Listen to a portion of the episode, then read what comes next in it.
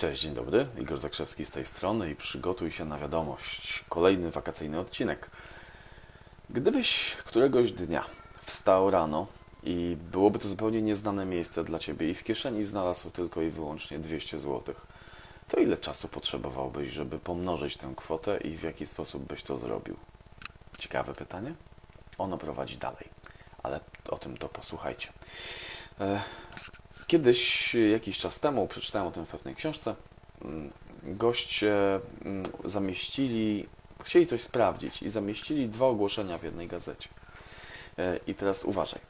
Dwa ogłoszenia w różnych rubrykach z, ogłoszenia, z ogłoszeniami. Cześć Kasia. W różnych rubrykach z ogłoszeniami na różnych stronach, ale ogłoszenia zamieszczone dokładnie tą samą czcionką e, i dokładnie tej samej wielkości różniła się tylko treść i numer telefonu. Tam było napisane, w, w jednym z tych ogłoszeń było napisane, e, szukamy, szukamy ludzi do pracy za, i podana tutaj e, kwota 30 tysięcy dolarów rocznie. I drugie ogłoszenie, szukamy ludzi do pracy za 300 tysięcy dolarów rocznie.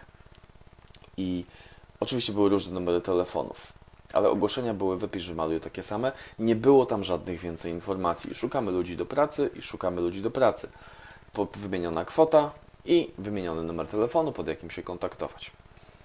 Zgadnijcie, pod jaki numer więcej ludzi zadzwoniło. Pewnie, mm, pewnie część z Was. No też, też swoją drogą jestem ciekaw Waszych odpowiedzi. Ale mam nadzieję, że przynajmniej część z Was wpadło na pomysł, wpadłoby na pomysł, żeby zadzwonić pod ten numer, gdzie jest ogłoszenie z pracą za 300 tysięcy dolarów rocznie. No, statystyki tego, y, tego eksperymentu były takie, że na ogłoszenie z kwotą wpisaną 30 y, tysięcy dolarów rocznie E, zadzwoniło się, rozdzwoniło się tyle ludzi, że już po, po dniu czy dwóch trzeba było zainstalować kilka dodatkowych linii. Po prostu ludzi dzwoniły tysiące po to, żeby podpytać, jaka, jaka to jest praca. Podczas gdy co do tego drugiego ogłoszenia odzewu nie było jakoś za specjalnie wielkiego i przez e, tydzień czy dwa, kiedy, kiedy ludzie kontaktowali się pod tym drugim numerem, numerem telefonu, zadzwoniło raptem pięć osób. Jak myślicie, z czym to można powiązać? Mi się wydaje, że w prosty sposób można powiązać z tym, na ile się wyceniamy, na ile, na jakim poziomie przyjęliśmy sobie jakąś taką górną poprzeczkę tego, ile moglibyśmy zarabiać, ile jesteśmy warci, ile jest warta nasza praca, bo jesteśmy bardziej zdecydowanie, zdecydowanie, więcej. Robimy ileś rzeczy za darmo, robimy ileś tam rzeczy za przysługi itd., tak itd. Tak Ale wyceniamy naszą pracę na jakimś tam określonym e, poziomie i to się, e, to się potem weryfikuje, bo oczywiście pewna popularna prawda, którą możesz wyczytać w bardzo wielu książkach, ona brzmi, że jeżeli ktoś szuka pracy za załóżmy 1000 zł, to to z całą pewnością prędzej czy później znajdzie taką pracę za 1000 zł, ale, ale będzie miał problem, żeby znaleźć za dwa.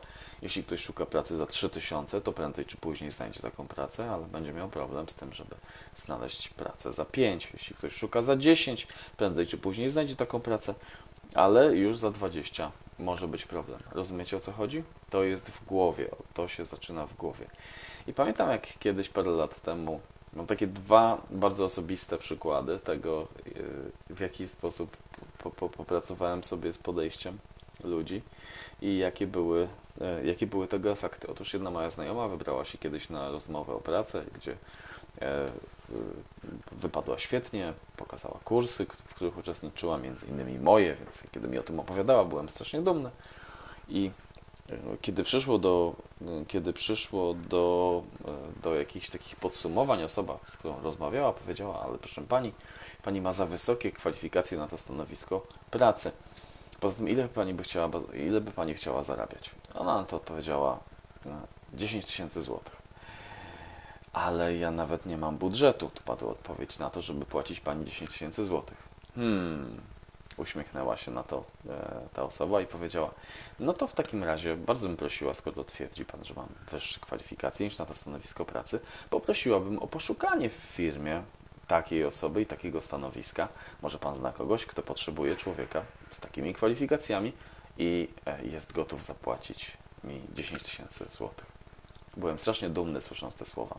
Rozumiecie? Już zaczynacie kumać, o co w tym, e, o co w tym chodzi. E, I drugi przykład, też jeden z moich studentów, który e, zachwycił mnie, bo takiego numeru to naprawdę bym się nie spodziewał. Zachwycił mnie kilka miesięcy temu, ponieważ zakomunikował mi, że jedzie na rozmowę o pracę. Ale to nie jest taka zwykła rozmowa o pracę. No, powiedz więcej, byłem bardzo zaciekawiony. On na to stwierdził, wiesz co, jadę, ponieważ złożyłem papiery na prezesa KGHM-u i e, właśnie e, zaprosili mnie na rozmowę kwalifikacyjną. Zrobiłem bardzo, bardzo duże oczy. Nie, nie przypuszczałem, że, że facet może o coś takiego się, e, o coś takiego się pokusić, ale jednak to e, zrobił. Prezesem KGHM-u, nie sprawdzajcie, kto to prezesem KGHM-u nie został, ale wielki szacun za to, że coś takiego w jego głowie powstało, że odważył się myśleć daleko, daleko poza granicami. Gdyby nie spróbował, nie, byłby, nie miałby zupełnie żadnych e, szans na to, żeby e, się gdzieś dostać, żeby coś osiągnąć więcej. A kiedy już spróbował, poznał iluś ludzi, zawarł ileś znajomości, wymienił się kontaktami itd., tak itd. Tak Pozytywów z tego jest całe, przeogromne mnóstwo. I teraz uwaga, jest jeszcze jedna rzecz. Bo po tym wszystkim mam nadzieję, że gdzieś tam na jakimś poziomie kumasz, do czego te moje wywody zmierzają, do tego, że granice są w głowie. Ale teraz pyta i, i to, że zachęcam do tego, żeby je przekraczać, żeby ustanawiać sobie cele, które są totalnie nierealne, które wydają się nierealne, żeby przestać być pierdzielonym realistą. Teraz możesz mieć trzy rodzaje reakcji na to, co Ci powiedziałem. Reakcja numer jeden, e, nie, to jakaś ściema, to niemożliwe, to, to, to bez sensu, historie są z czapy, e, to nie może być prawda. To jest jedna reakcja, to ja się tym nie będę zajmował, to jest przykład, przypadek dla psychologa.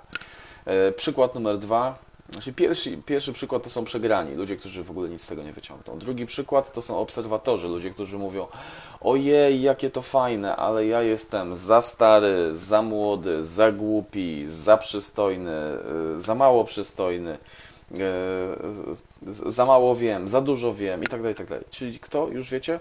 Ci, którzy znajdą sobie wymówki i e, to, czyli obserwatorzy, którzy znajdą sobie wymówkę. To jest druga reakcja. Oni nigdy nic nie zrobią, ale ewentualnie mogą, mogą pokibicować e, delikatnie.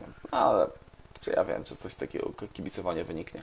I trzecia kategoria ludzi, nazwijmy ich e, marzycielami mm, albo budującymi marzycielami, to są tacy, którzy już pod wpływem tych kilku minut, tego czym tutaj rozmawialiśmy, już wpadli na jakiś pomysł, już mają jakiś przebłysk. Kurczę, muszę to wykorzystać i zrobią ten następny krok. Dokonają tego następnego kroku. Wykorzystają to, co tutaj usłyszeli.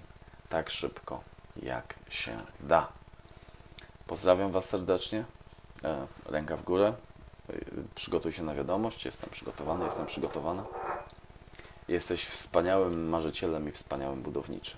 Najlepszym na świecie. Cześć.